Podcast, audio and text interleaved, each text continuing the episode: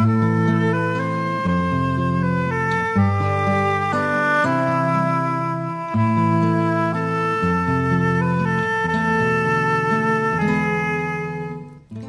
weer eens by Kortom.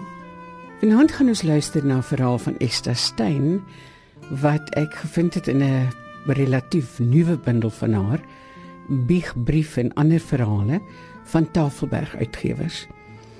Die verhaal se titel is Bedevaart na die bank. En Juanita Swanepoel gaan dit vir ons lees. Lekker luister.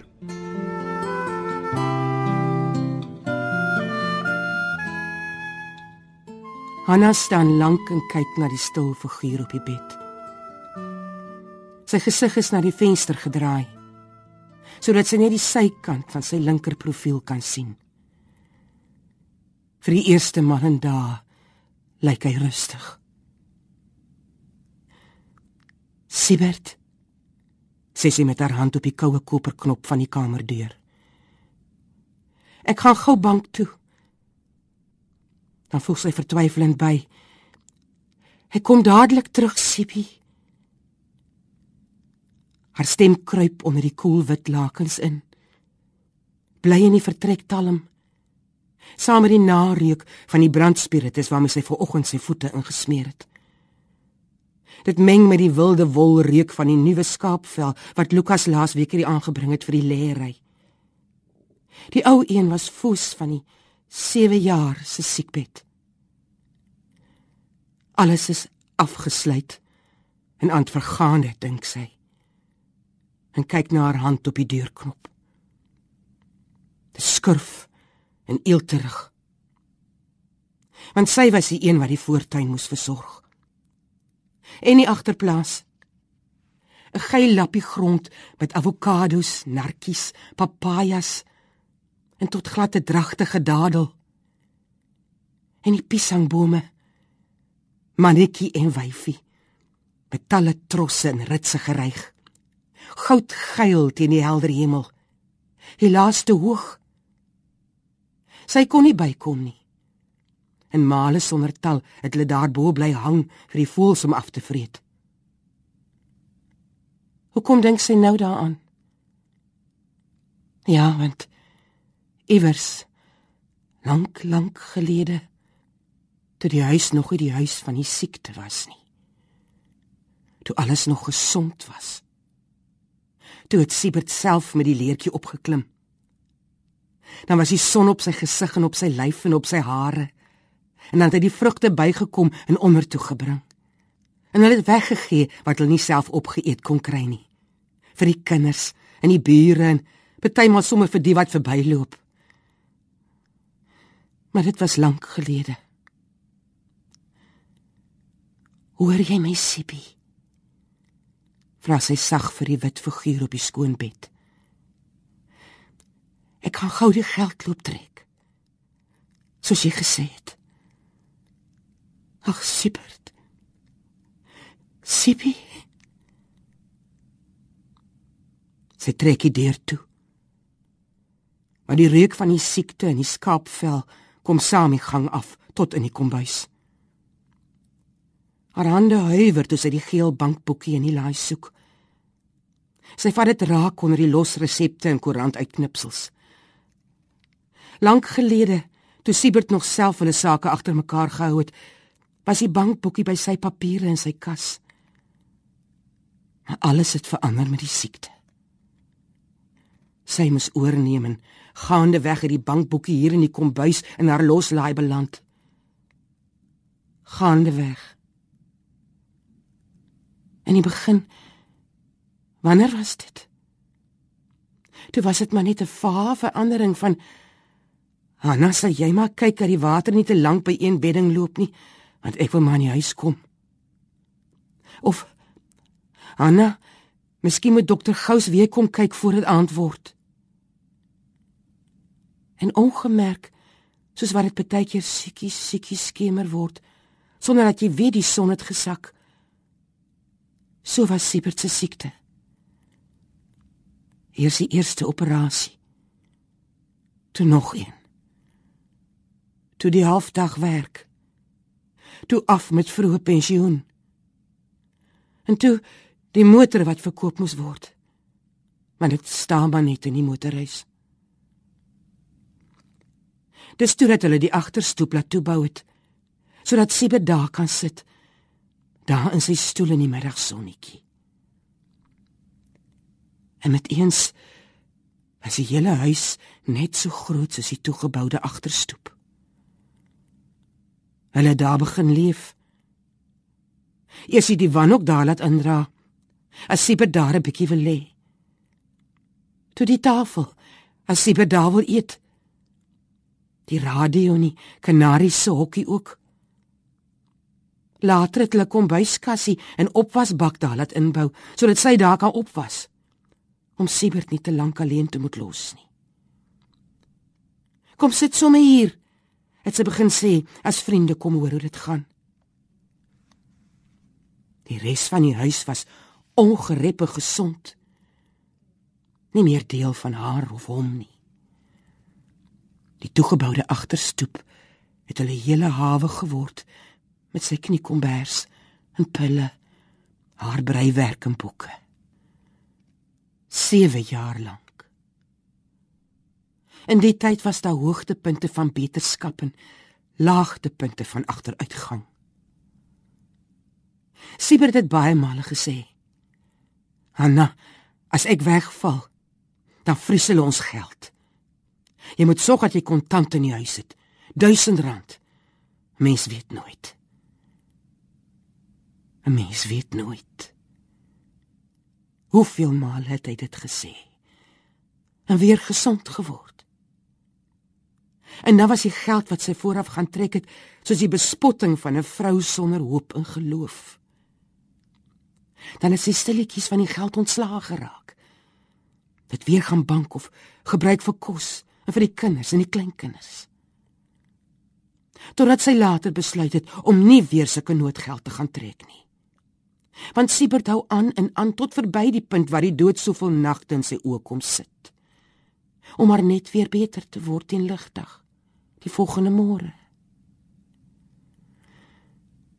nou is dit anders sy sit die bankboekie in haar handsak en stap uit die kombuis tot in die toegeboude agterstoep op die tafel staan die halfvol bakkie jelly nog wat sy hom vroeër gevoer het en die koppie flou tee wat hy nie gedrink het nie. Sy maak die stoepdeur oop. Die Gautengse lug is onverwags vars. Sy draai om, sluit die deur en voel of vertoes. Sy loop om die huis tot voor in die grondstraat. Die sypaadjie strek stil voor haar uit.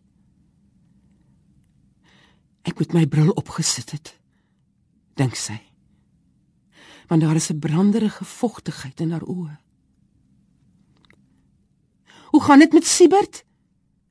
Skok Treya se stem van agter die tuinmuur. Treya, haar buurvrou, wat al so lank elke môre dieselfde vraag vra.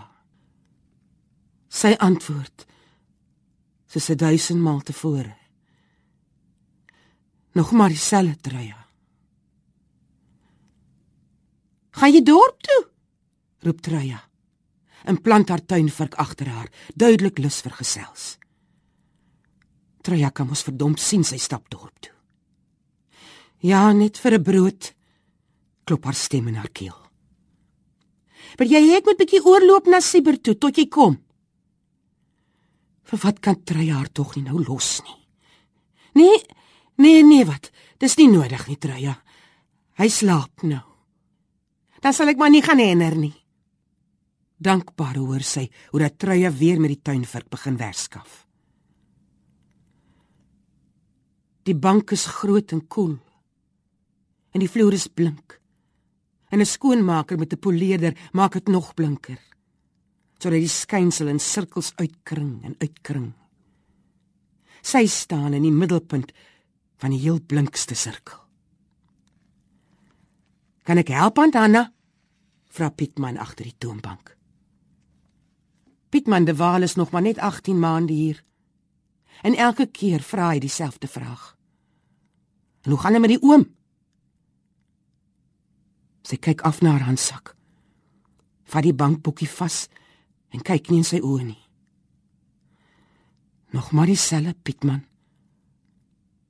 Sy sit die boekie op die houttoonbank neer. Ek wil so ietsie trek. Hy bring die onttrekkingsstrokie te voorskyn en begin invul. By bedrag kyk hy op en die blou balpunt pen rus in sy vingers. Benoudheid bring baie woorde. Te veel. Ons ek en die oom het toe gedink om maar die wasmasjien vir Madeleine te koop. Sy sukkel so, jy weet. Drie kinders en Lukas verdien nie wonderlik by die munisipaliteit nie. Maak dit 975 rand. Ek het dit so uitgewerk. Want 1000 rand klink so verraderlik. Ek het dit so uitgewerk en daar's nog 'n paar ander dingetjies ook. Dinge word duur. Hy skryf nie dadelik nie. Hy luister en haar woorde teem oor die toonbank totdat dit traag in 'n simpel stilte sterf. En in die stilte maak die poleerder nog 'n blink kol langs haar. Dit slurp haar gedagtes op. Suig dit saam met die bewende borsels in, sodat sy nie kan dink nie. Net bewus bly van die noute in die swart pyp van stilte. Sy stem kom uiteindelik genadiglik, asof van uit die oop kant van die ellelange ellende. Ja, is waar aan Hanna. 975 rand. Terwyl sy pen die bedrag invul in woorde en in syfers in die hokkies en die blokkies van die strokie. En dan dan sê die oom gaan daarom nog aan. Hy druk die stempel in die perskussentjie en slaan 'n ovale patroon in haar boekie voordat hy dit toevou en oor die toonbank terugskuif. Haar hande gryp dit dankbaar voordat sy prewel. Nog aan ja. Dankie Pietman. 20s of 10s? Vra hy ongeërg. Haar tong voel dik, droog. Dit maak nie saak nie. Gee maar soos jy het. Maar weer word die stilte te lank. Terwyl sy vingers oor die geel en groen verskrikkings van die note fladder. En sy hoor haar stem steeds vanuit die swart nou te kom. Daar's 'n special op die twee balie masjien by ou Pringle se winkel hier onder. Hy hoor haar nie. Hy skuif die pakkies note na haar toe en sê: "Groete vir die oom Antana." Sy bondele deur mekaar by haar handsak in. Sy stap deur die bank oor die skynende vloer met sy honende hordes blink kolle. Oë wat loer, wat deurboor tot diep in haar sak waar die noodgeld lê. Die doodsgeld. Die pad huis toe gaan nie verby die broodplek nie. Brood het sy in die huis. Die pad huis toe gaan ook nie verby op Pringles se winkel waar die wit twee balie masjien staan nie. Want daar sal nie 'n wasmasjien vir Madeleine wees nie. Die pad huis toe is die swaar dra aan die geld in haar sak. Sy kom by die huis en stap om na die agterstoep. Goddank Traya is nie meer buitekant nie. Sy sluit die deur oop en staan verslae en stil voor die laaste tekens van Siebert se siekte. Die halfvol bakkie jelly en die koppie flou tee en sy klam sakdoek opgevrommel op sy stoel. Sy stoel met die kussentjie. Sy neem die kussentjie en druk dit teen haar bors. Lank, lank gelede was die kleure helder patrone geel, groen, bont. Nou is daar net vaar deurgewaste verblyksels. Sy staan besluiteloos met die kussentjie teen haar liggaam totdat haar asem rustig word. En haar gedagtes deur die 7 jare van siekte agteruitloop en weer terug. en gaan stil staan by sy wit gesig in sy wit bed. Waar sy hom 'n enkele halfuurtjie gelede met liefde uitgelê het.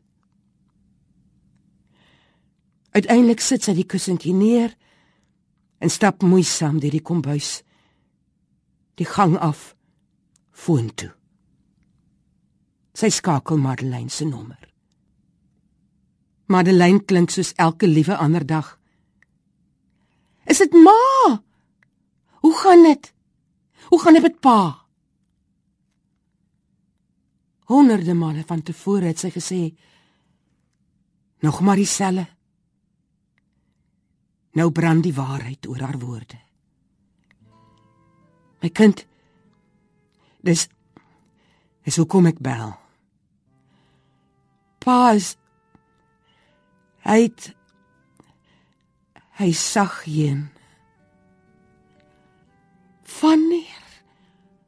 Ag ma. My kind, ek het net na dorp toe gestap. Bank toe en so. En wat ek weer hier kom, rukkie daarna toe. Niemand sal ooit weet dat sy 'n halfuurtjie by sy lewe bylap nie.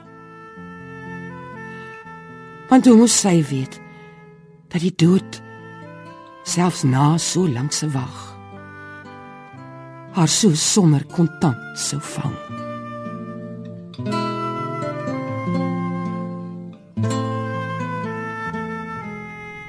Dit was bedevaart na die bank van Esther Stein wat ons gevind het in 'n bundel Biegbrief en ander verhale van Tafelberg.